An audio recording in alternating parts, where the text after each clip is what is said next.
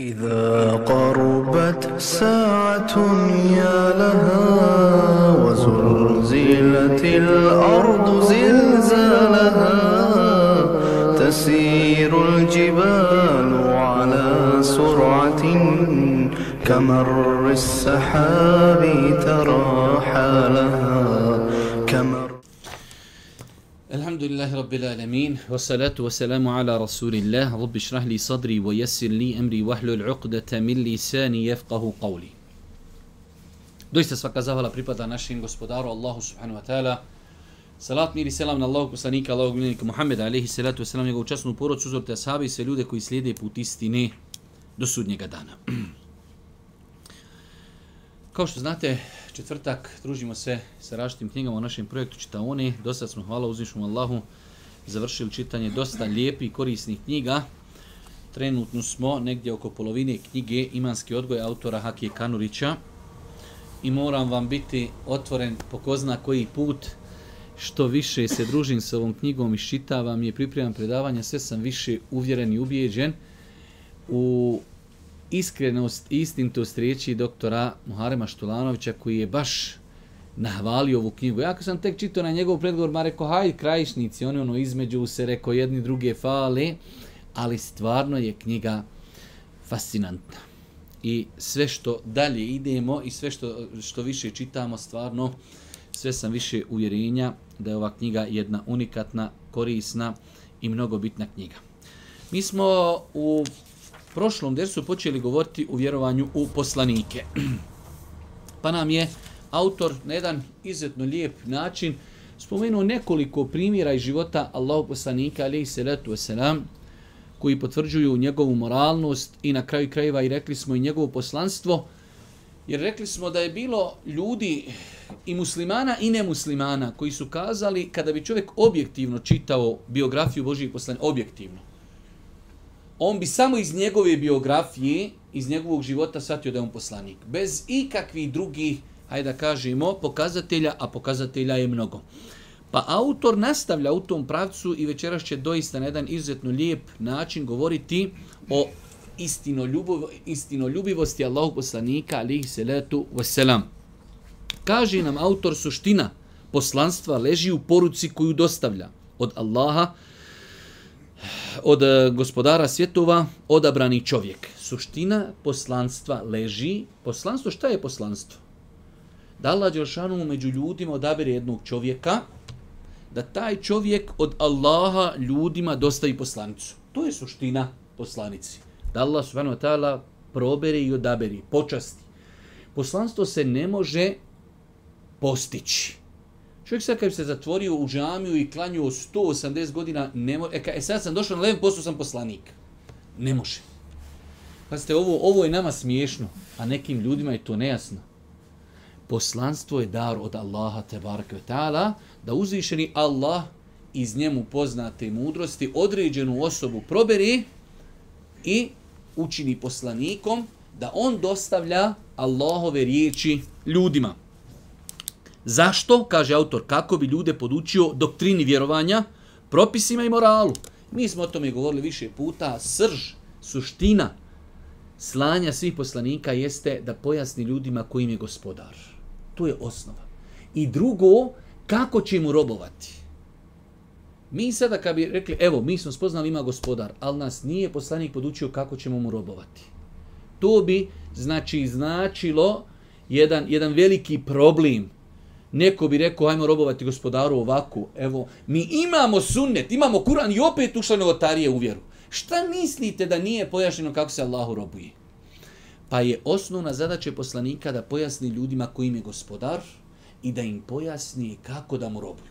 To je osnova. E sada ima ovdje, kao što kaže autor, i da pojasni ljudima propise, da ih pozovu moralu, ali osnova je da pojasni ljudima kojim je gospodar i da pojasni kako će mu robovati. Ako je dostava poslanici i prenošenja poruke primarna zadaća posla, poslanika, istinitost je najbitnije e, njihovo svojstvo. Ovo je srž poslanstva. Ako je poslanik, da kažemo tako, veza između ljudi i njihovog gospodara, onda je najbitnija njegova osobina sa svim drugim osobinama šta? iskrenost, da on to iskreno ljudima dostavi. Dobro. Onaj ko razmatra poslanstvo Muhammeda, nužno će donijeti jedan od dva zaključka. Ili će zaključiti da je Muhammed istinski poslanik i posljednik između gospodara svjetova i ljudi, ili će ga optužiti da je najveći lažov. Sad kad bi uzeli život Božih poslanika i šta je on sve radio, tvrdio ili kažemo ovo je baš poseban insan, ili kažemo ovo je baš to bejarabi lažac, šta sve je uspio slagati ljudima. Nema treći. Znači, ili je stvarno dobar, ili je stvarno loš. E, sad ćemo vidjeti šta nam kaže autor. Onaj ko za sebe tvrdi da je poslanik, ili je najiskreniji čovjek, ili je najveći lažac.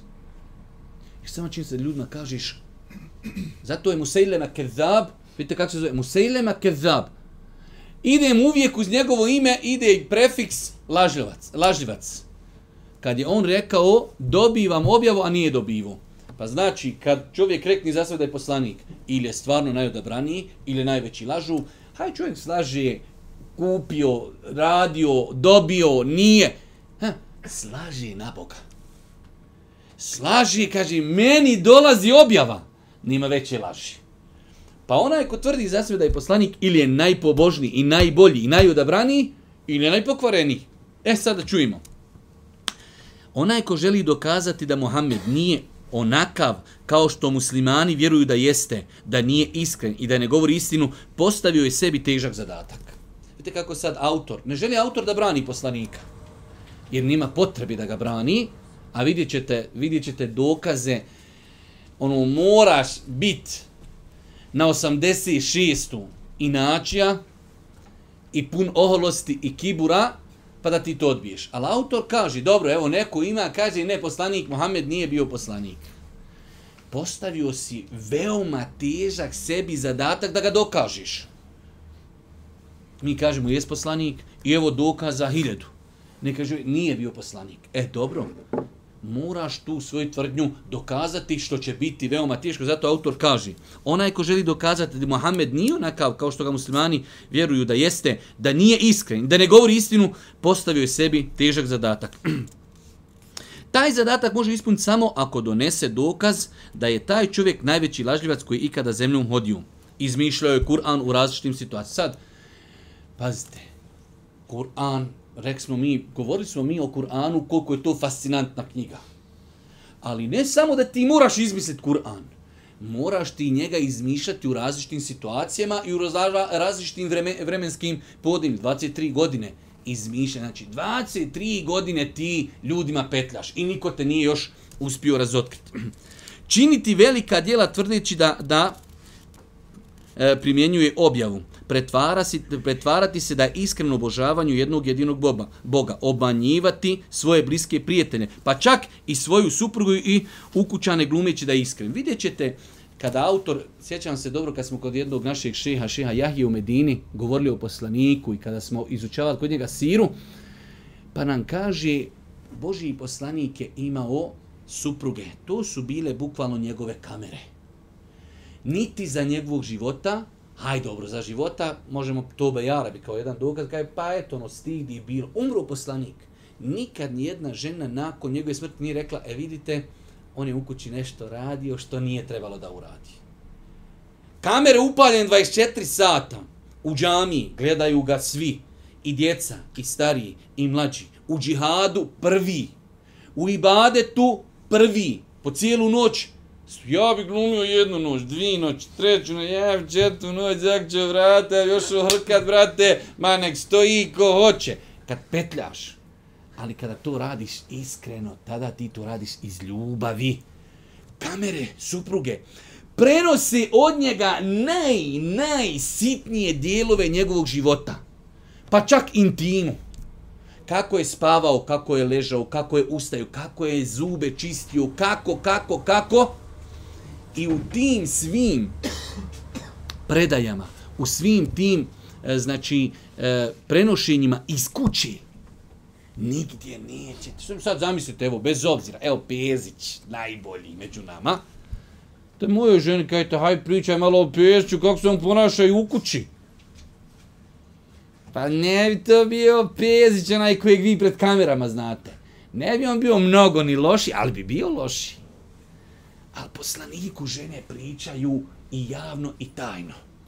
I za života i nakon smrti. Zato vidjet ćete u jednom mjestu autor kaže, hajde, neko ko je prevarant, možda može prevariti ljude. O sad dođeš i prevariš ljude. Do, ko što imate prevaranata, došao to rabi, slika, pozitivnu energiju donosi od ninja kornjača i tako dalje. Ali, brate, hajde prevari svoju porodicu. Hajde prevari svoju ženu i djecu. Hajde prevari majku i babu. Hajde prevari punca i puncu. Hajde prevari komšiluk. E njih ne vereš prevariti. Jer ne možeš glumiti non stop. Znači da si onaj najveći manipulator na 89-u, dosaditi, vrate, puknijeti film i kaj, e ne mogu više, od danas rokam. Enes Radjelan kaže, deset godina sam služio poslanika, ali deset godina. Nikad mi za nešto što sam uradio nije rekao što si, a za nešto što nisam kaže što nisi. Sluga. Žene, djeca, zetovi, ashabi, džihad, borba, noćni namaz, najbliži ljudi oko njega vidjeli su njegovu iskrenost.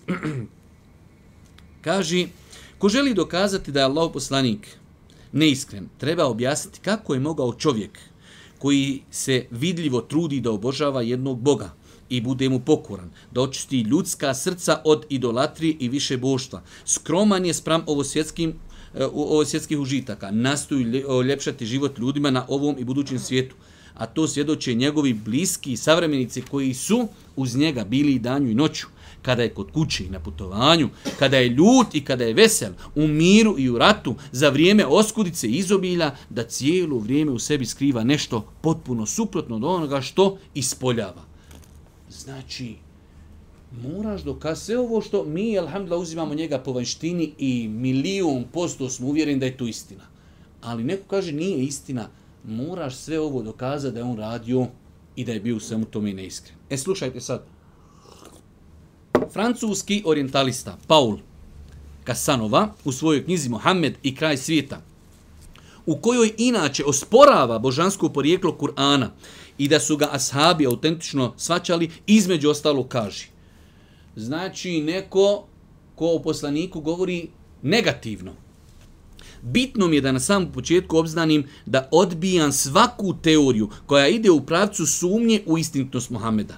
Potpuno je oprečna znanstvenom duhu svaka tvrdnja i bez argumenata da se tu krije laž i interes, jer cjelokupna biografija arapskog vjerovjesnika potvrđuje da je njegova ličnost pozitivna, ozbiljna i iskrena.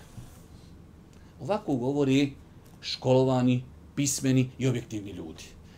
E dođe vam sad neko zadojen mržnjom, zadojen mržnjom prema islamu, hijabu, nikabu, nogavicama, muslimanima, ezanom, nikad lik otvorio nikakve knjige o islamu nije, I on tamo da neđe na internet, vidi neko lupa, Muhammed Ali, selam, imao devet žena, a, i e, to, to je njegovo znanje, a, i eto ga tu on sa i on konje, jo, jesam i razvalio, brate, e, znaš šta sam im radio? Nikom nije mogao ništa.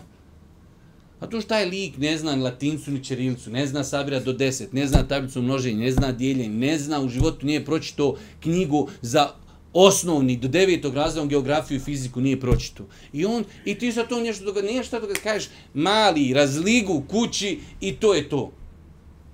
Ali ovako govori školovani, pismen ljudi koji su proveli po 20-30 godina izučavajući, analizirajući životopis Božih poslanika. Ali se letu vaselam. Poslanik Islama Muhammed bio iskreno opođenju sa drugim, e, drugima, daleko od svake obmane i se spletke, živio u kolini koja je vrednovala svojstva ljudskosti, a prezirala izdaju i držala bezvrijednim one koji se njome posluži. Evo sad ovdje autor, ja ću neke stvari prepričavati da bi mogli što više stvari uzeti. Prije Islama, vidite kako je Allah, kada kažemo odabro Božih poslanika, a sve je to pripremano. Prije poslanstva, kako su zvali poslanika? El Emir. Jedna stvar. Za svog života bio povjerljiv prije poslanstva. Za svog života nije poznat kao nemoralna osoba prije poslanstva nikada nije robovao kipovima. Vidite, nema, tada u to vrijeme bio nemoral i te kako na levelu. Vi kad čitate u hadisi u Buhariju, kada Iša govori o kak, kak, četiri vrste su, kaže, bile bra, brak, kao braka u džahilijetu. Jedna od vrsta je žena stavi, žena stavi zastavu na šator. I tu, to znači, ta zastavica je značila autobuska stanca, ali taj autobus niđe ne ide, stoji, tu i sam ljudi ulazi i ga izlazi.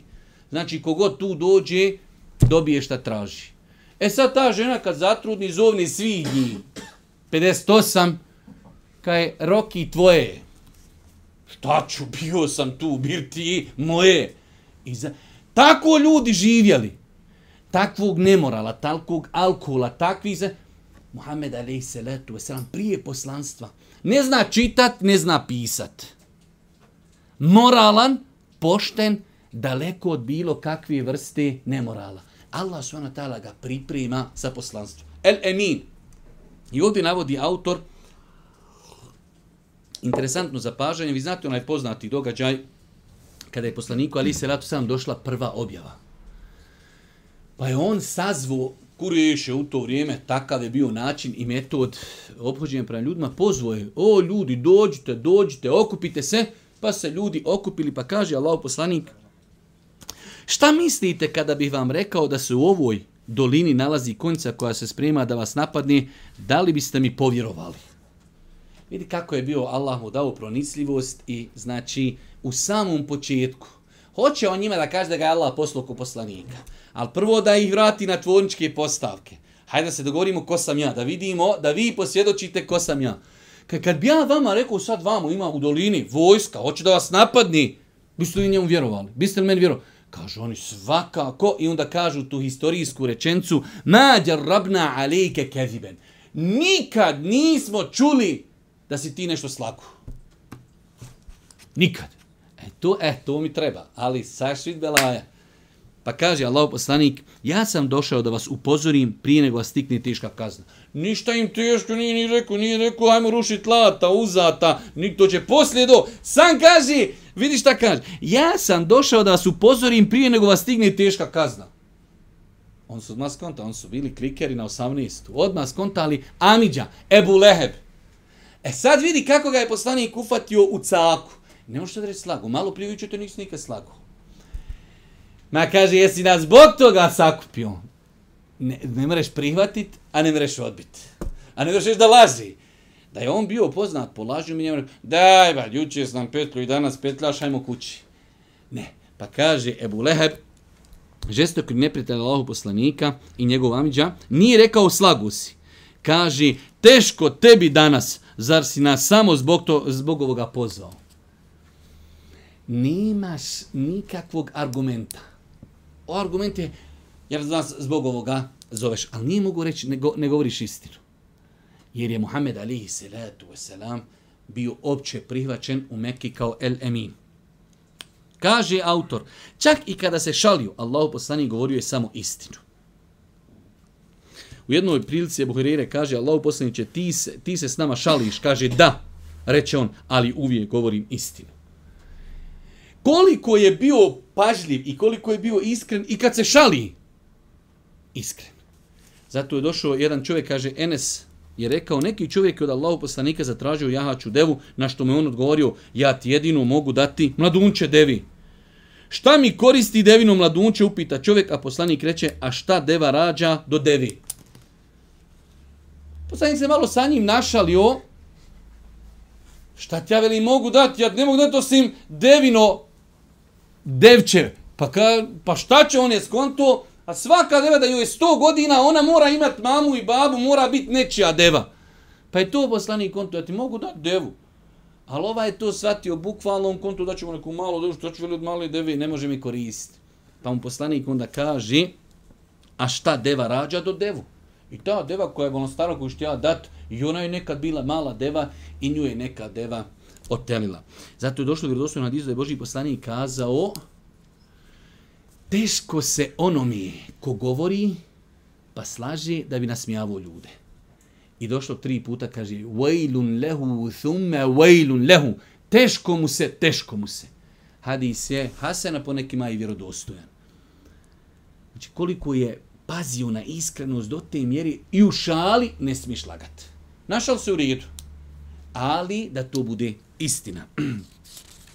Kaže, lijepo je kazao kršćanski orientalista, njegova spremnost da bude mučen zbog svog uvjerenja, postojanje iskrenih osobina koji su mu, e, e, koje su mu vjerovali i za lidera prihvatile veličanstvena dijela koja je u konačnoj stvariju. Sve to dokazuje da njegova istinoljubiv, istinoljubivost realna. Pretpostaviti da je Mohamed lažljivac, nameće špekulacije veće od onih pitanja. Pazite, vi znate šta je Boži poslanik na putu te svoje tvrdnje istrpio? Znate li da je o, izolacija Božih poslanika i ljudi koji su vjerovali u Mekke trajala tri godine? Sto hajkate, nas su izolirali u prošlom ratu, otprilike tako tri godine, ali u nas, Kogoda te izolira, mi se uvijek organizujemo, posijemo šebi šencije, kosimo travu, imamo janjad, imamo ovaca, imamo ovako, imamo onako, posijemo se. Šta ti u Mekke imati? U nas u ratu naj u historiji čovečanstva nije zapamćeno da je roće, voće bolje rodilo. Ljudi jeli jabuke, ljudi jeli šljive, ljudi jeli ašlama, bilo ljudi od njih rakiju pravili. Da Allah oprosti. Od hurmi su pravili, bilo Arabi toliko slali hurmi, konta, da su hurme tamo u arabskom svijetu, da imaš, znači po korbi za smeće moraš, kad smo mi poslije ošli tamo studirati, Allah mi, smo kako skupe hurme, a koliko smo mi njih u ratu dobivali, Mi smo to kontali, to tamo kod njih ima, ako kod nas travi na čupat. A nije. Skupe surme, Boga mi, ljudi su od njih pravili Irakiju, da Allah oprosti. Šta je sve poslanik trpio? Da je trpio tri godine izolacije, da je trpio da je ljude poslo e, u Abesiniju, da je trpio da ljude pred njegovim očima ubijaju, da protiv njega rat vodi, da je se iselio, Pa što je se onda okrenuo Meki kad je krenuo i kaže ti si meni najdraža zemlja da me nisu protiv, nikad ne bi otišao. Hajde ne iskreno odi, ma brate, ko kameleon, crven, žut, zelen, budi kakav hoćeš, ali hoće da budem ondje gdje mi je fino. Napustio rodnu grudu i tamo umro. Nikad se vratio nije. Šta je sve pretrpio na putu odbraniti svoje ideje? Kaže autor nakon toga sljedočenje sljedbenika Allahu poslanika alihi salatu wasalam. Evo ovdje autor navodi citat opet Upravo je tu tačka od koje polazi kršćanski misionora, misionar, misionar, misionar i orientalista. William Muir. Jedan od najvećih indikatora istinutosti Muhameda jeste da su prvi konvertiti u islam bili njegovi najprisniji prijatelji, njegovi ukućani ljudi koji te poznaju, oni su Hatidža došla, šta je Hatidža rekla Božim poslaniku? Ja to sad planiram kad budem dole držao ders u gradačcu preko sutra. Pogledajte Hatidže i njenog optimizma. Došao poslanik bio u Garul Hira. Osamljivo se, osamljivo se i došao mu Džibril alaihi salatu wasalam dva, tri puta ga stisnuo do te mjere da je mislio da će umrijeti. Pa su objavljeni ajeti, prvi pet ajeta sure El alaq ikra bismi rabbike alladhi khalaq došao kući velike to historijski događaj. I došao kući trese se. Kaže pokrite me, pokrite me. Kaže Hatidja, šta je bilo?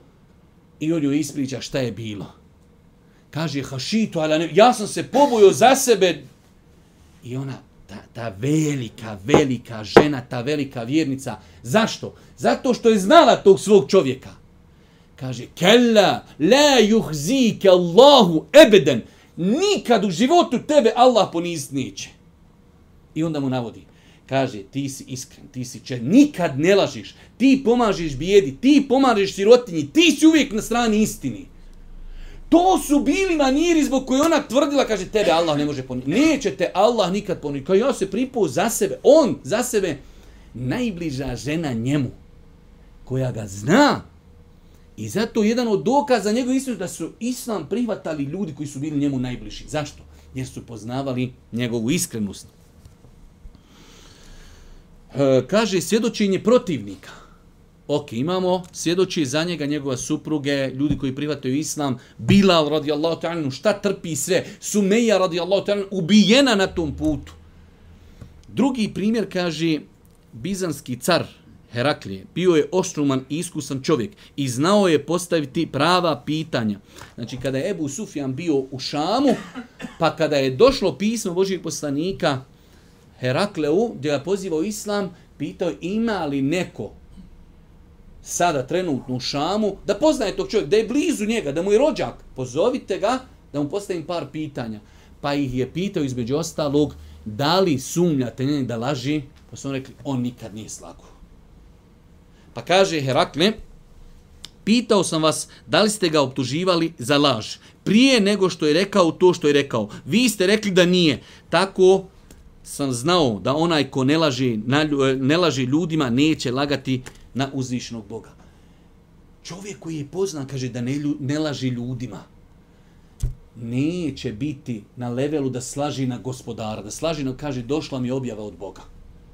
Ljudima nikad slagu nije, taj neće slagati ni na gospodara. e sada, ovo sve autor navodi u smislu kao neko ko se stavlja u stranu da želi da dokaže da je poslanik Ali Selatu sam bio neiskren. Kada bi sad neko od nas rekao šta je glavni razlog zašto ljudi su neiskreni, zašto ljudi petljaju, zašto ljudi varaju, zašto ljudi manipulišu, većina, 98% su šta? Interesi. Kakav je interes imao Muhammed alaihi salatu wasalam od onoga čemu je pozivao? Ovo gledamo s racionalne strane. Šta je sve pretrpio? Iselio se? Šta je sve žrtvo? Dobro. A šta, gdje je umro?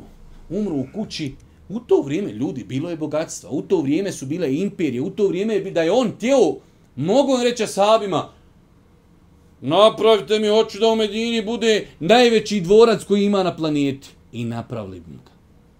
Umro je, a, a Iša radijalan kaže, umro je poslanik, a mi se nismo nikada za njegova života tri na, dana zaredom najeli hljeba. Umro po dugovima. Dobro, imate ljudi nekad leti, radi ko mi, bošnjaci, mi idemo gore kod švabe, radimo, radimo, radimo, da bi djecu obezbijedili. Je poslanik obezbijedio svoju djecu? Kad je umro, hadis dolazi Ebu Bekr i kaže, ono što mi ostavimo je sadaka. Niko ništa od poslanika naslijedio nije. Niti on imao ličnog interesa, niti imao interesa neko iz njegove loze, njegova djeca, njegovi zetovi, njegove čerke, niko od njega dunjalučki nije imao interesa. A svi su na tom putu imali iskušenja i iskušenja. Pa kaže autor, šta bi onaj ko lažno tvrdi da je poslanik mogao tjeti osim ovo svjetske koristi, slavi, moći, blagostanja i užitak? Vidite danas, u većini slučaja ovi ljudi koji se proglašavaju nekim tamo sektama, ovako, To je u 99,9% ljudima dosadi kod kuće sjet, mrsku i miću, željezaru, rat i on se proglasi nekim medijom, proglasi se nekim svecom pro... i sjedi ovi dolazi, moj ljube ruke, evo pare, on uživa, oni jednici letaju oko njega i mirna Bosna. To je u 95%, dok čuješ neko se pojavio, neka sekta, neki lik, voda, 99% interes. Pa kaži, Šta bi onaj ko lažno tvrdi da je poslanik mogao tjeti osim ovo svjetske koristi? Da li u životu Allahu poslanika nalazimo nešto od toga? Na, odgovor na ovo pitanje nije teško naći. Svevišnji Allah u velikom broju ajeta naređuje poslaniku da obznani ljudima da od njih ne traži nikakvu nagradu. Prva stvar poslanik kaže, ništa mi od vas ne treba. Nikakva nagrada, ništa. Ko što su govorili drugi poslanici kroz istoriju, Ma nuridu minkum jazaa'an wala shukura. Odna, od vas, ovo što mi vama dostavljamo, ne treba nam ni falati, ni nam trebate šta platiti. To je bila znači e, tvrdnja, govor koji su govorili svi poslanici. Kaži, dok su vladari, carevi i kraljevi živjeli u palačama, raskošnju, izobilju, poslanik Islame živio u skromnoj sobici koja nikako ne može biti dom nekoga ko prodaje, e, ko pridaje značaj dunjalku. Omer kazuje, ušao sam kod Allahu poslanika, on je ležao na hasuri. Sjeo sam vidio da na sebi ima samo donji ogrtač, znači samo to ko što danas uzmete, kad idete ono na umru, pa onaj donji dio, to je, znači samo je Boži poslanik imao donji dio, a spavo je na hasuri, gornji dio tijela otkriven, nema šta obući. A kad spavaš na hasuri, da bi te odvojila dole od zemlje, to su grančice, to su, pa je se to oslikalo na tijelu Božijeg poslanika, ali se letu wasalam. Sjeo sam vidio, vidio da na sebi ima samo donji ogrtač i da je Hasura ostavila trag na njegovom boku. Bacio sam pogled na ostavu poslanika i tu sam vidio malo ječma. Možda jedan saa. Jedan saa znači dvije i po kile. Viš, kod nas dođeš otvoriš frižider. Sad više nije frižider na jednu stranu, sad se frižider otvara kao ormar. Jer nemaš onaj prijav, onaj guraj, guraj, guraj, guraj, pa izmisli ima gornji dio, pa srednji dio, pa donji dio, vrata, ormar i plus imaš još usto i zamrzivač. A da ne govorim što imaš ostavu, ovo samo što se treba zaledit. Od samo što treba od mlijeka, sokova i čizova i ostali šetan luka. On kaže, ja sam pogledao po kući Božijeg poslanika i, ha, dvije i po kile ječma. To je sav njegov i mjeta kojeg je posjedovu. tu sam vidio malo ječma, možda jedan sa i malo lišća mimoze u jednom čošku i obješenu kožicu. Pa su mi se oči napunile suzama, a on mi reče, zašto plaćeš sine Hatabu? Ja sam mu rekao, kako neću plakati Allahu poslaniće? Ova hasura ocrtala se na tvome boku. U tvojoj ostaje ne vidim ništa drugo osim to što sam vidio. A Kisra i Kajsar uživaju u plodovima i rijekama, a ti si Allahov vjerovjesnik i izabranik. A samo ovo imaš u svojoj ostavi. Na to mi on reče, o sine Hatabov, zar ti ne želiš da nama pripada ahiret, a njima donjaluk? Svakako, rekao sam. Znači, njima je bilo poznato, Kisra, Kajsar, vladari u to vrijeme, ljudi imali dvorce, imali šta su htjeli, A poslanik Ali se da to se nam je živio ovako skromnim životom. Kaže i tako je Allah poslanik živio do kraja života. Pa i nakon što su arapska plemena u skupinama prigla islam i nakon što se njegova vjera rašila i osnažila. Znači imamo moment, ok, hajde u početku, ali poslije dolazi plemena, islam ojačao, dolazi zekijat, imovina, imetak, lider, ljudi su uvijek za lidere davali.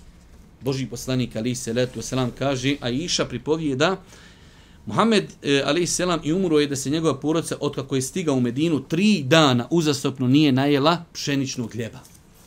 Znači dan dva jedu i jedan dan pauza nema. Pa opet dan ima pa dva ima jedan ima tri dana uzastopno.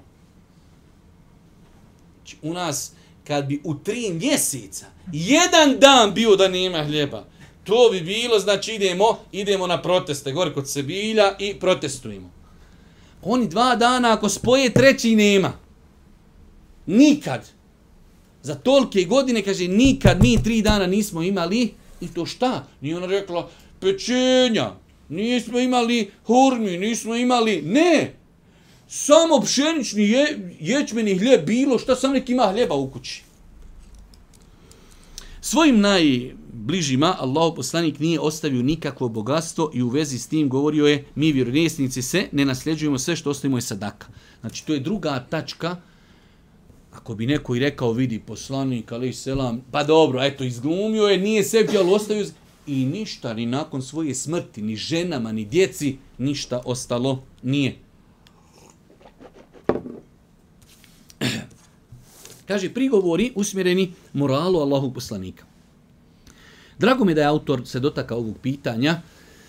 Hrabro, školski, studiozno, jer uvijek ćete naći, iako rekli smo malo prije za oni balavce koji ne znaju obrisat nos, i onda ti on tamo neđu odu i na internet on naiđe tam poslanik o a išu poslanik imao devet žena, ma šta je to i to je to.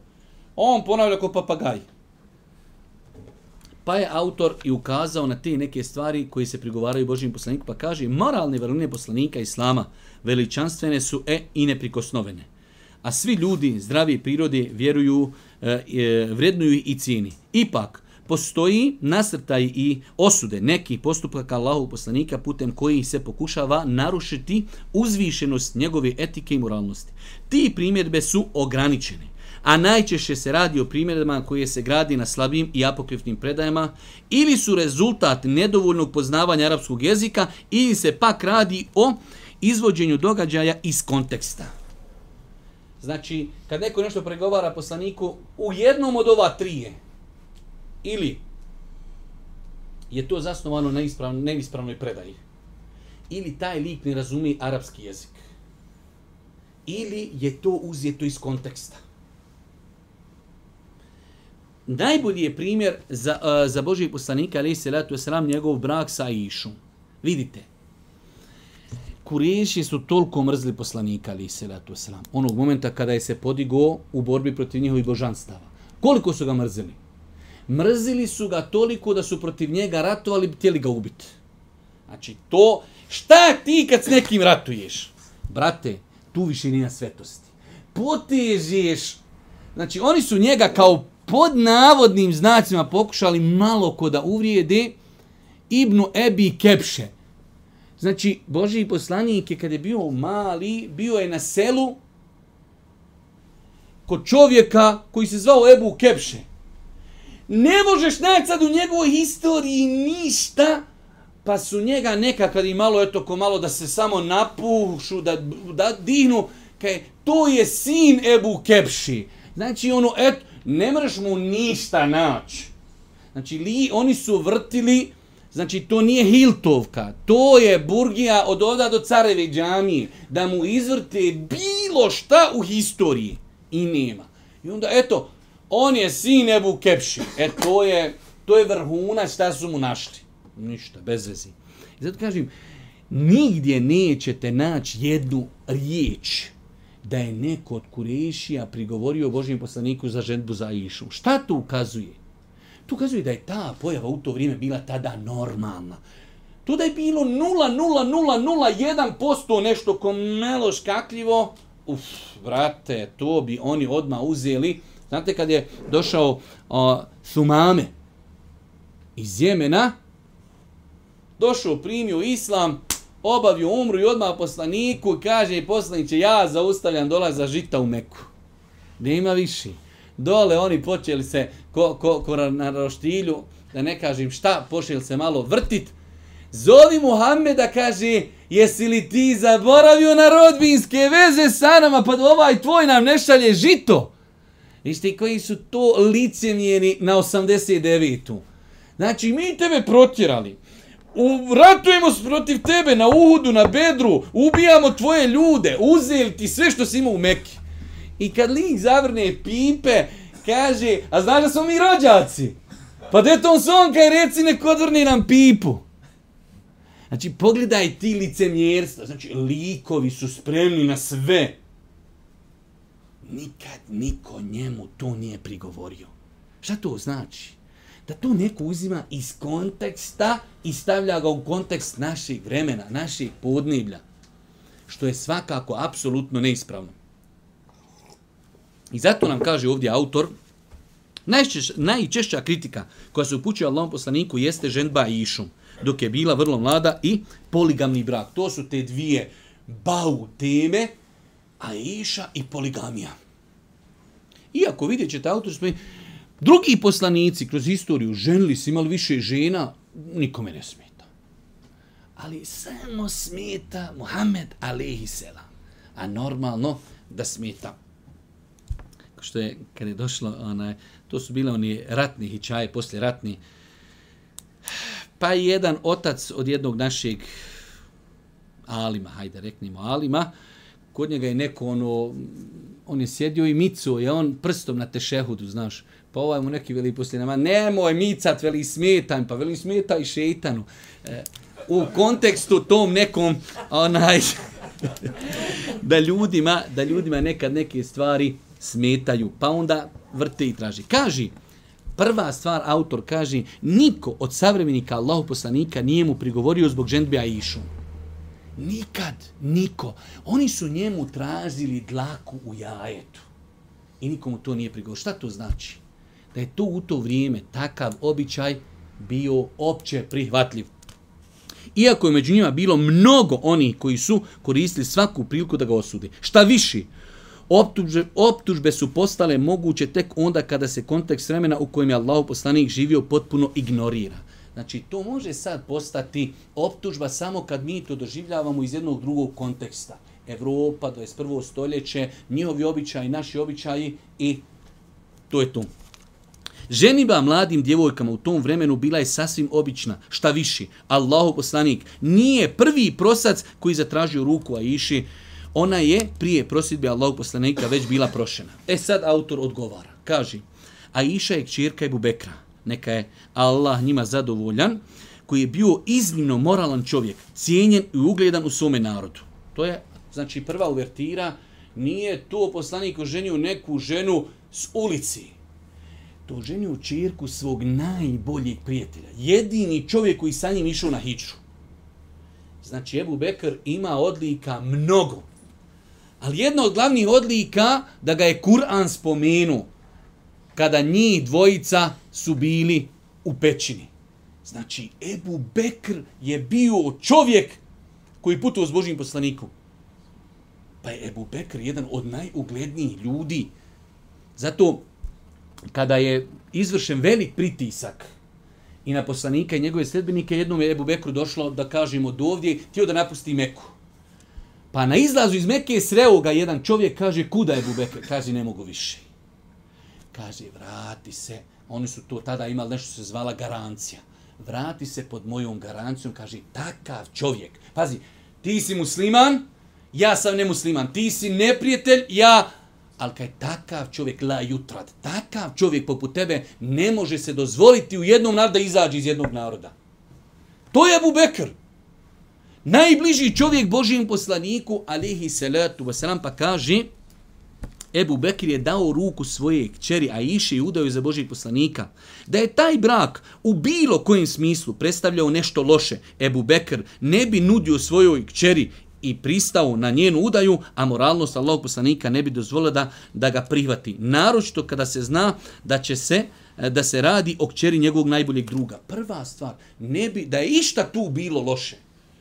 To je dijete Bubekrovo. Zamisli danas ti da ti dođe neko ko ne ispunjava tvoje kriterije za tvoju čerku. Ima li neko kaj pa vidi iz nekog interesa dadni? Oni koji imaju dijete znaju. Nemoguće. Nemoguće dati dijete negdje zbog nekog interesa. Nema teorije.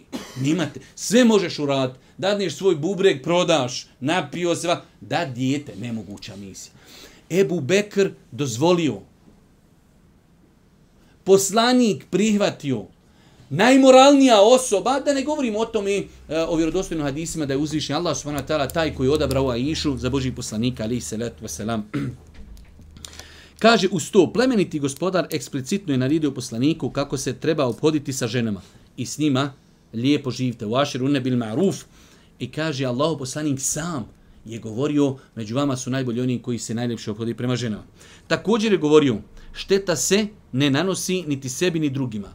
Znači, s jednog drugog aspekta da je to bila neka šteta nekom Ebubekru, a iši poslaniku, Islam jedno veliko pravilo postavio, nema štete niti nanošenja šteti. Kaže autor, Allah poslaniku ženio se Aishom prije preseljenja iz Mekke u Medinu. Nakon ženbe ona je ostala u kući svojih roditelja, a u poslaniku u kuću pre, prešla je tek nakon hijđri i nakon što je postala zrela osoba. Znači, Boži poslanik, to je bilo ko nešto ko kod nas imate u nekim mjestima, ko neka vjeritba, pa dok je Boži poslanik učinio hijđru, dok je ona postala punoljetna, tada je Aisha, radijallahu ta'ala, prešla da živi, prešla da živi kod Božijeg poslanika. Udaja Aisha za poslanika bila je čast za nju i njenu porodicu, a bila je uz poslanika i od njega učila i pratila njegove, je, njegov javni i privatni život, a nakon njegove smrti to je znanje decenijama prenosila. Opet to je s jedne s druge strane da je Allah Đeršanuhu E, podario u tom braku jedan veliki beričet i blagoslov zato što druge žene Božijeg poslanika, ali se rad sam jednostavno vidjet ćemo, to će autor god, to su većinom bile žene već u godinama, iza koji su već bili brakovi, e, žene koje su imale djecu i one su, vidjet ćete, po par hadisa prenosi od Božijeg poslanika.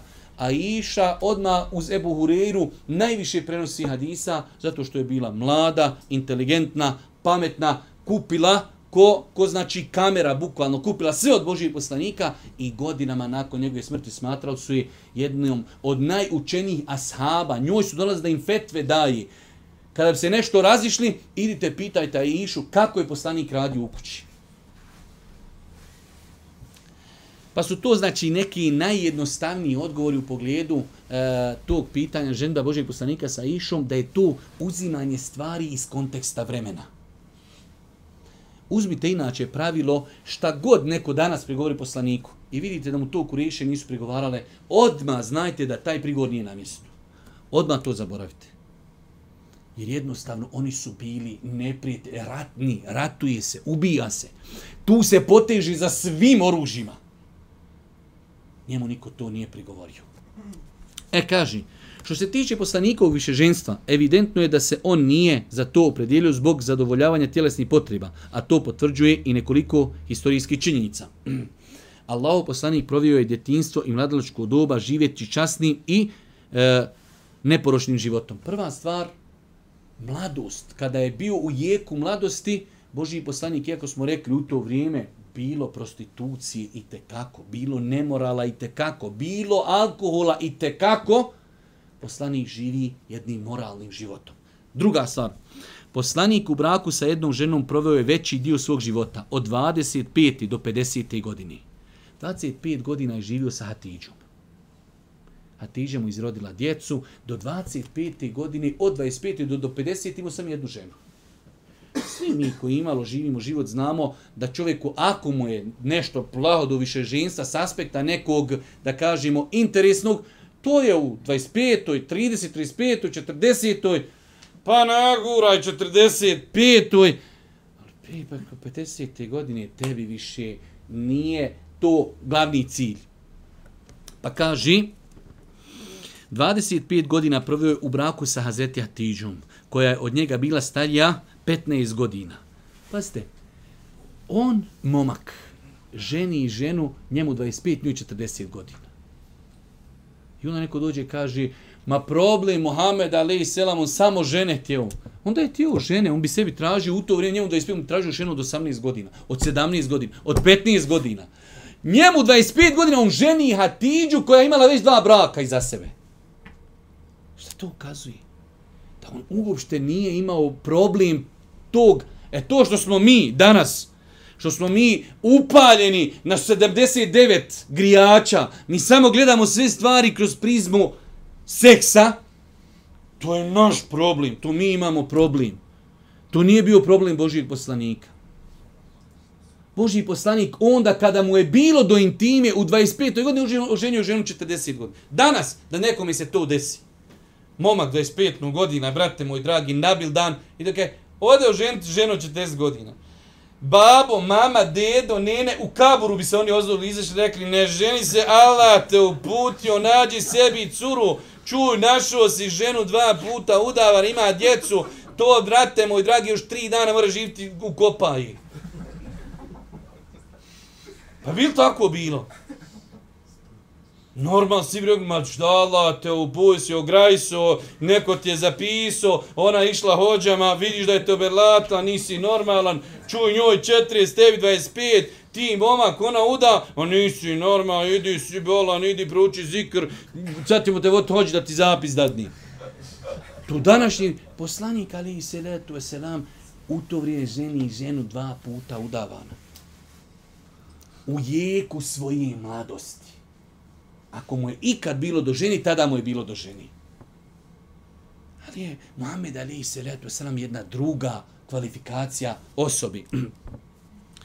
Treći, jedina djevca kojom se ženio Allah poslanik bila je Iša, sve ostale njegove žene bile su ranije udavane i većina ih je bila u srednjim životnoj, životnoj dobi, a to bez sumnje govori da za njega tjelesni užitak nije mogao biti primarni motiv ženitbi većina tih žena sve su bile udavan i već u nekim izuzetno zrelim godinama. Izuzetno zrelim godinom. Kaže doktor e, Nazmi Luka, pro, profesor historije, inače kršćanske vjeroispovijesti. Ovo je dobro autor rekne, znaš da ne bi sad mi Nazmi Luka, pa Nazmi jel muslima, nije šta li je kršćanin.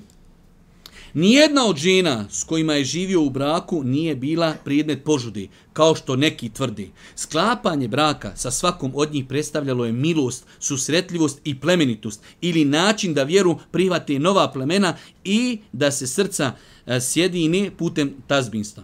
To je nužna cjelina liderstva.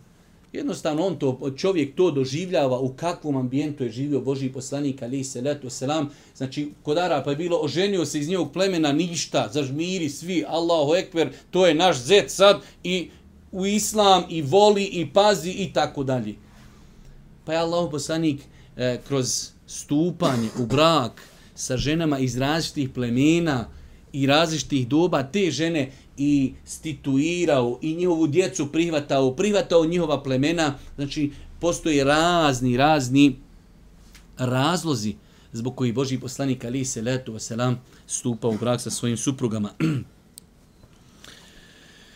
E, kaže se druga orientalistica Laura, neprijatelji Islama uporno prikazuju Muhammeda u liku poročni osobni, predani svojim porivima pokušavajući da u njegovim brojnim brakovima pronađu labilnu ličnost koja nije u skladu sa svojim sa svojom misijom. Oni uporno odbijaju da uzmu u obzir ovu istinu, a to je da se tokom cijelog mladalačkog doba u kojem je seksualni nagon najsnažniji, pored toga što je živio u zajednici u kojoj je poligamija pravilo, a razvod je bio krajnje lahak, oženio samo sa jednom ženom u to vrijeme bilo se veoma lako ožent, mogo si imati više žena i mogo si, pazi, Arapi u predislamskom dobu, znači žena je kod njih, ne da je bila diskriminirana, bila je diskriminirana 160 Znači, žena nije imala nikakvu... Ljudi zakopavali žensku djecu. Kuž, ne, zna, nema dalje. Rodi se žensko djece. Allah Đelšanu to opisuje u Kur'anu. Kaže, crnog lica dobije vijest, dobio dijete žensko zakopao dijete, uzme živo i zakopava ga uzme. Eto. Znači, ako je ne zakopa, pa nema, ti ćeš biti, čitaš živo, ali hej, nismo te zakupati, trebalo bi zakopan, Allah te uputio. Znači, rob na 160-u. O ženi, razvedi, radi, radi u kraju, na kraju kraja šta hoćeš. U takvim ambijentima poslanik ženi ženu 40 godina. I sa njom ostaje 25 godina, dok ona je bila živa, nije se više nikada ženio. I dođe neko, e to su vam ti priučeni mrzitelj islama, on pro, ima devet žena, Allah, evo sad e, evo sad ću, čekajte me, srča vama, ne, niko to još nije otkrio. Tokmak u jedan, ba znamo mi sve te vaše fore.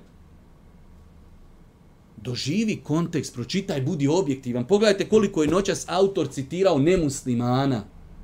Ali koji su to historičar, ljudi koji analiziraju, čitaju, spremni su da prihvati naučne činjenice, dokaze. Dobro, kaži, e, nakon toga dvije ćemo stvari, inša Allah, biznila, i time ćemo i završavati predavanje, osjetilna čuda Allahog poslanika. Svevišnji Allah počastio svoga poslanika Mohameda brojnim čudima, kojima su svjedočili njegovi savremenici kao što je uslišenje dovi, isceljenje bolesni, povećanje hrane i tako dalje. Hoće autor ovdje sada kada govori o Božijem poslaniku, što je jedan izuzetno uh, lijep moment i način da govori, znači govori o iskrenosti Božijeg poslanika, ali u prizmi Kur'ana. Pa on kaže, za Božijeg poslanika se vezuju mnoge nadnaravni uh, e, znači, pojave, takozvani mu'đize. Znate da je se mjesec popolovio, hrana se uvećavala, voda, e, životinje, razgovarao sa životinjama, drveće, plan na, panj na kojem je držao hudbu, plaće za Božim poslanikom i takvi predaja imate da su učenjaci pisali knjige, tomove knjiga o samo tim muadžizama Božih poslanika. Ali kaže autor ovdje, ovom prilikom srnćemo se na čudo Allahu poslanika koje je još uvijek vidljivo pred nama. Časni Kur'an. Sve te sad ti čovjek sad kažeš, a zna, eno, ljuči kod mene lik, pa sam morao sam ga malo staviti na, na, na rešetanje. Nemoj mi, kaže, onaj predosi od onoga rekla kazala. I sad ti kad čovjek kažeš plakuo panj na kojem poslanik držao, to je za njega rekla kazala. E, aj dobro, evo, daleko od toga. ali dobro, evo imamo Kur'an. Ma kaj mjesece po ma kakvo mjesec? Koji kuriši? Kuriši kažu, de nam da se mjesec po polovi. Kad se on popolovio, kaže, pa eh, ti si nas opsidio, mi. Dobro, čekali mjesec dana ljudi koji su bili izvan Mekke. Putovali, musafiri, trgovci. Kad Ste vi tu noć bili budni? Jesmo, ste ništa vidjeli? Jesmo kad mjesec se popolovio. Pa dobro, ako opsirio vas u Mekke, kako je mogo ljude u Šamu opsiriti? A ba, ma, nešto progdali, ali kad nešto istinu ba, to je problem, ti neš istinu. Šta god da ti je donio s nebesa, nećeš ti istinu. Pa je znači bilo dosta tih stvari, ali evo ovi naši, nažalost, neće vam reći ovo da je hadisi Božih poslanika, neće vam nikada reći nevjernici da je to rekla kazala. To vam kažu ovi naši, da i ne reknem uvrijedno ime, ali koji se deklarišu muslimani ne ti men kaj samo do, ali muzika, nemoj dirat muziku, iskopajmo, znači po rodbini eksumaciju napravi zemlje i njega boli briga. Ali nemojmo dirat kladioncu, nemojmo dirat cigare, nemojmo te stvari, muzika, nemojmo to, kaj samo mi iz Kur'ana donesi. Kaj je žena došla Ibnu Mes'udu, a kaže, ti tvrdiš kaj da je zabranjeno tetoviranje, ja sam pročitala kaj cijeli Kur'an, kaj nema to niđe tetoviranje zabranjeno u islamu. I nis ti kaže, dobro, pročitao. Ma jo, ja tri puta pročitao, nema niđe. Ima, ima, sam isti pročitao. Pa gdje ima, kaže, Voma atakum rasulu fehuduhu, voma nehakum anhu fente, ono što vam poslanik dadne, to uzmite, ono što vas kaže, zabrani, to ostavite. Završeno. Kaže lik, ali nemoj ti meni rekla kazala, da ti meni iz Kur'ana, po Kur'anu Allah kaže pokorte se poslaniku. Allah kaže što vam poslanik da, to uzmite. Allah kaže u Kur'anu poslanik ne govori po hiru svome. Ljudi Allah nisu se, mislim, to je nažalost, prija kada je čovjek bio glup i budala, zna komšilu ono dokle more vrisni, toliko ljudi je znalo da je on budala. Sad mu dadniš crnu crnu šetansku kutiju i kad se li konektuje na 3G, dok on ima, dok on ima uplaćeno ne dvije markice interneta, taj se ne skida. On hoda jadnik i svima želi da dokaže koliko, koliko mu fali klikira. I onda, nemoj ti meni, kaže, citirat, rekla, kazala, de ti meni u, u Kur'an. Pa to, brate, uzmi ti, što ti ja da ti imam Kur'an troš? Nađi sebi, otvori Kur'an, pročitaj. Nađi sebi u Kur'anu. Pa kaže, Kur'an je najveličanstvenije čudo Allahu poslanika Muhammeda sallallahu alaihi wasallam. Ljudski razum ostaje zapanjen pred kuranskim ajetima, svjestan nemoći čovječanstva da oponaša kuranski stil u njegovoj e, specifičnoj formi i sematici. Kur'an je potvrda Muhammedovog sallallahu alaihi poslanstva jer je nadnaravan van granica ljudske moći i ne podliježi ustaljenim univerzalnim zakonskim e, zakonistama prirodi. Kur'an je izazvao sve ljude i džine da dođu s tekstom koji Kur'anu sliči, ali niko nije odgovorio na taj izazov.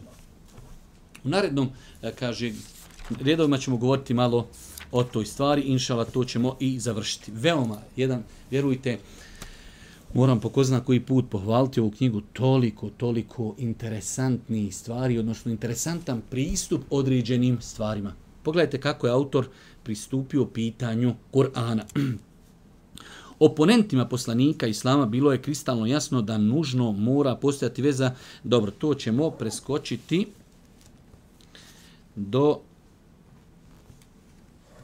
e, 165. Stranci. Tematika koju Kur'an tretira dominantno je teološko-doktrinarna. Govori se o Allahu, ahiretu, halalu, haramu, kazuje se o vijestima, o raznim događajima i tako dalje. Ste vidjeli kad ljudi uče Kur'an, ljudi plaću iako kad bi gledali s dunjalučkog aspekta, to nije znači vrsta govora koja bi trebala da rasplakuje čovjeka. Čovjeka bi trebalo vidjeti ste u, u dunjalučkom pogledu, mi sad kad čitamo neke kaside, nešto emotivno, tada čovjek možda i može pustiti suzu. Ali sad ti neko, što misliš sad donese ti neko, evo neki, ja rećemo, saobraćajni pravilnik. Ne smijete prijeći ograničenje 60 kilometara na sve. Ko on čovjek plaće.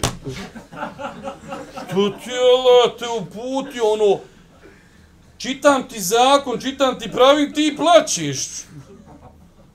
U nas je bio rad dole, naša vraća u Ketibi, brate, uči šehi, onaj, jesen unekan il mehid, pitaju te o hajzu, a braća, ne znaju šta znači, ali ljudi plaću, brate, pitaju te o hajzu, a ljudi plaću, ne znaju šta, ali vidi fino čovjek uči, melodično i alhamdulillah rabil. Pa oš gažim, e, tematika koju tretira Kur'an u datom momentu, nije ona nešto što, što bi trebalo da izaziva emocije. Ali je Kur'an sav nadnaravan. I zato ćete vidjeti da ljudi plaću kada se govori o propisima, kada se govori o džennetu, kada se govori o džehennemu, kada se govori o prijašnjim ljud, narodima i tako dalje. Iako e, melodična i dražesna proza zahtjeva puno mašte i nikako ne prihvata ozbiljne teme, Kur'an, pored ozbiljnosti teme kojima se bavi svojom ljepotom plijeni ljudska srca. Kaži, Kur'anu se po najviše dive upravo vrsni pjesnici. Jedan od njih je bio i Uneis, El Gifari, koji je čuši Kur'an kazao, čuo sam govor vraćara, ali to nije njihov govor. Poredio sam ga Kur'an sa raznim vrstama pjesništva i neka mi niko ne govori da je to pjesništvo. Ljudi koji su u to vrijeme bili iskreni. A vi ćete poslije ću vam govoriti možda jednu tezu koju možda nikad niste čuli do danas, ili možemo evo sad u tom kontekstu, Arapi za vrijeme Božijeg poslanika, ali se salatu wasalam, a to je bio Allahov sunnet, da kada pošalje određenog poslanika, pošelje, pošalje ga sa najvećim izazovom tog vremena. Pa je Arapima poslao nešto gdje su oni bili vrh vrhunca.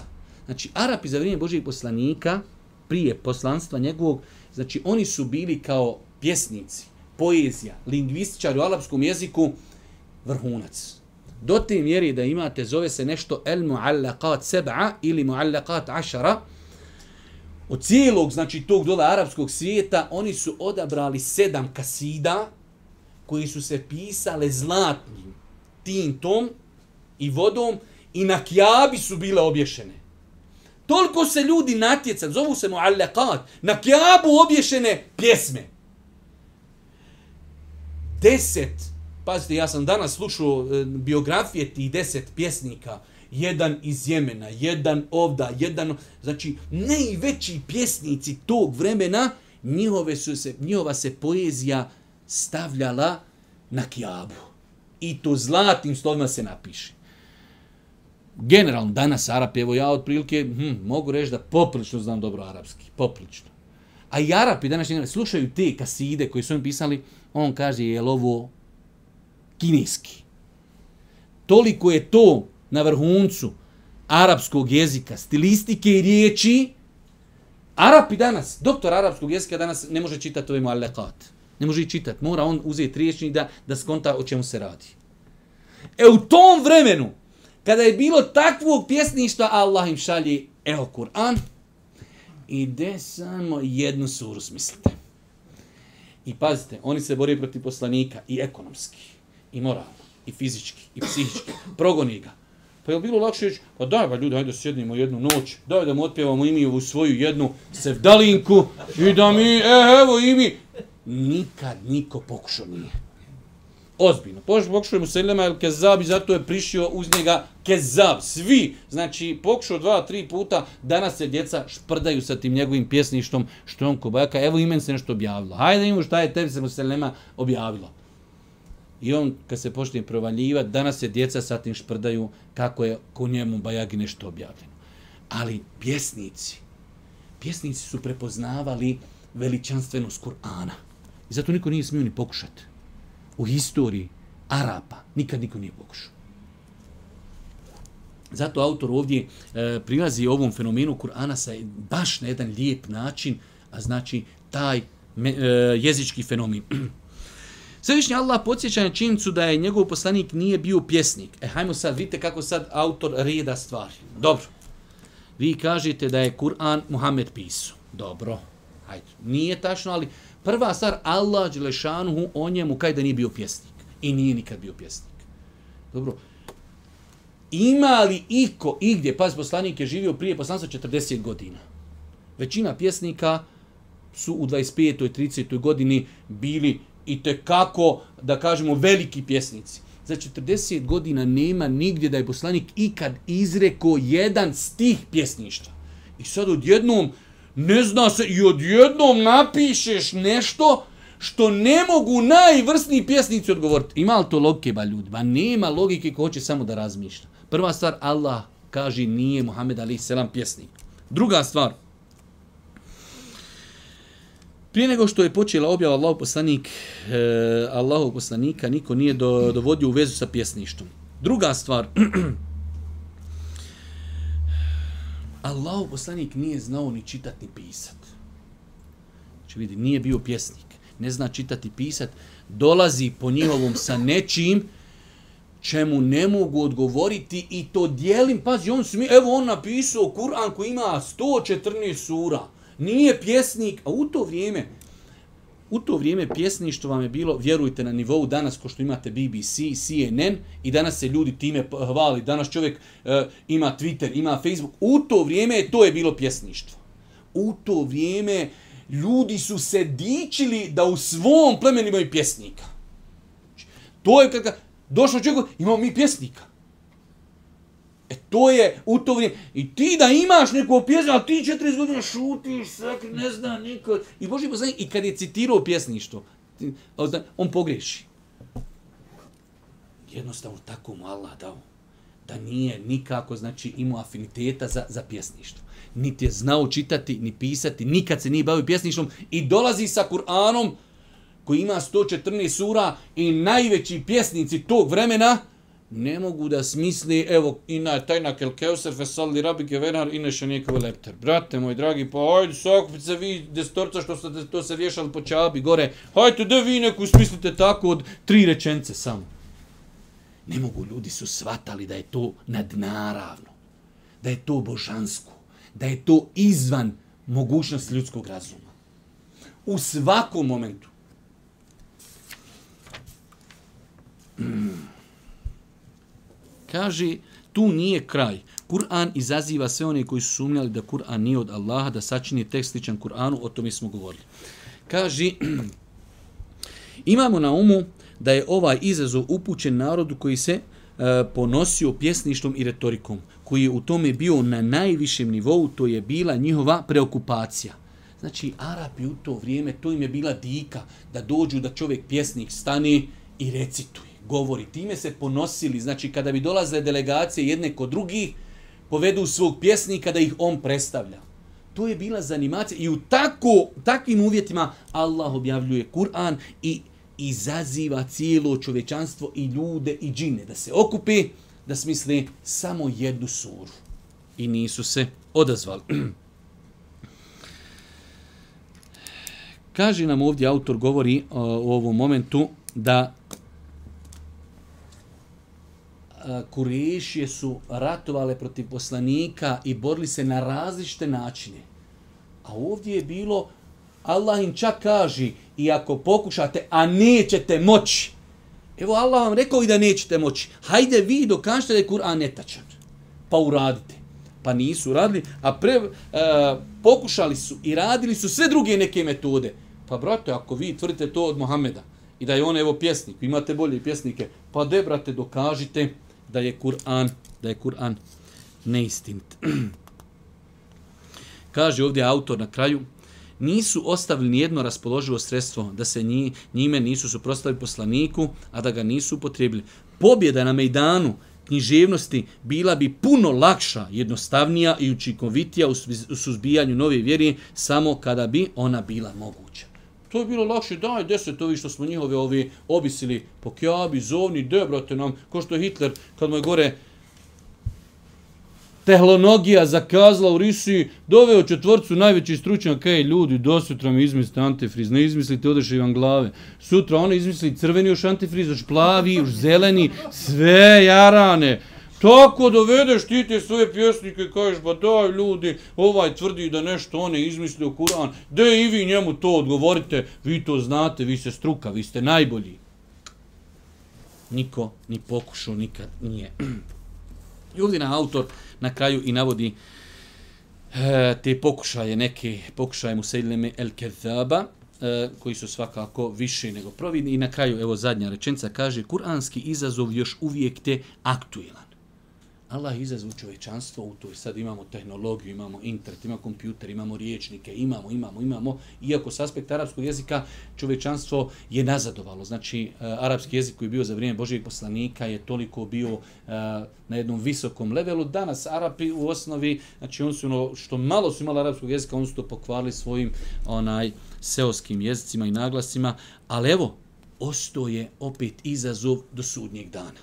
Kur'an kuranski izazov još uvijek je aktuelan. I dan danas vrijedi poziv da neko dođe sa tekstom koji je poput kuranskog ali ako to nisu uspjeli Arapi iz zlatnog doba književnosti, dok je pjesništvo bilo na svome vrhuncu, kada su e, književnim arapskim jezikom govorili prirodno i tečno, dok je se još uvijek, dok se još uvijek nisu bili pomiješali s drugim narodima i time se odaljili od izvornog jezika, ako te generacije nisu uspjele dati odgovor na kuranski izazov, izgledi da će to uspjeti neko nakon njih su daleko manji. Imate u arapskom jeziku, e, odnosno historiji Arapa, imate period dokad se od arapskih pjesnika uzima pjesništvo kao izvor arapskog jezika. Jer kada je islam došao i počeo se širiti, u islam su počeli ulaziti ljudi koji su ne Arapi. I od tada se smatra vrijeme kada je arapski jezik počeo doživljavati pad. Ulaze su ljudi, ja, ljudi uče taj arapski jezik i vi sad uzmite gore te prijedjele, e, pa na kraju krajeva gore Buhara, odakle imam Buhari, ti, ti, ti ljudi nisu bili Arapi. Ali su oni vidjevši islam, vidjevši perspektivu, svi se prebacili da govore arapski. Ali ne možeš ti biti kao neko ko je rođeni Arap. I zato imate period kad je rečeno, e, eh, dovdje se uzima pjesništvo, ovo nakon ovoga, ovo su ušli i ne Arapi u Arape, i više arapski jezik je počeo slabiti. Pa ako nisu Arapi, oni koji su tada izvorno govorili arapski, pokušali da odgovore ovom fenomenu, ovi koji su došli poslije njih, definitivno nemaju nikakve šanse. Ako Bog da, nastavljamo sljedeći put na 168. strani Kur'an, nadprirodni fenomen Allah te baraka taala molimo da nas učesti na putu istine nam podari korisno znanje na kraju subhanaka allahumma wa bihamdike ashhadu an la ilaha illa anta astaghfiruke wa atubu ilaik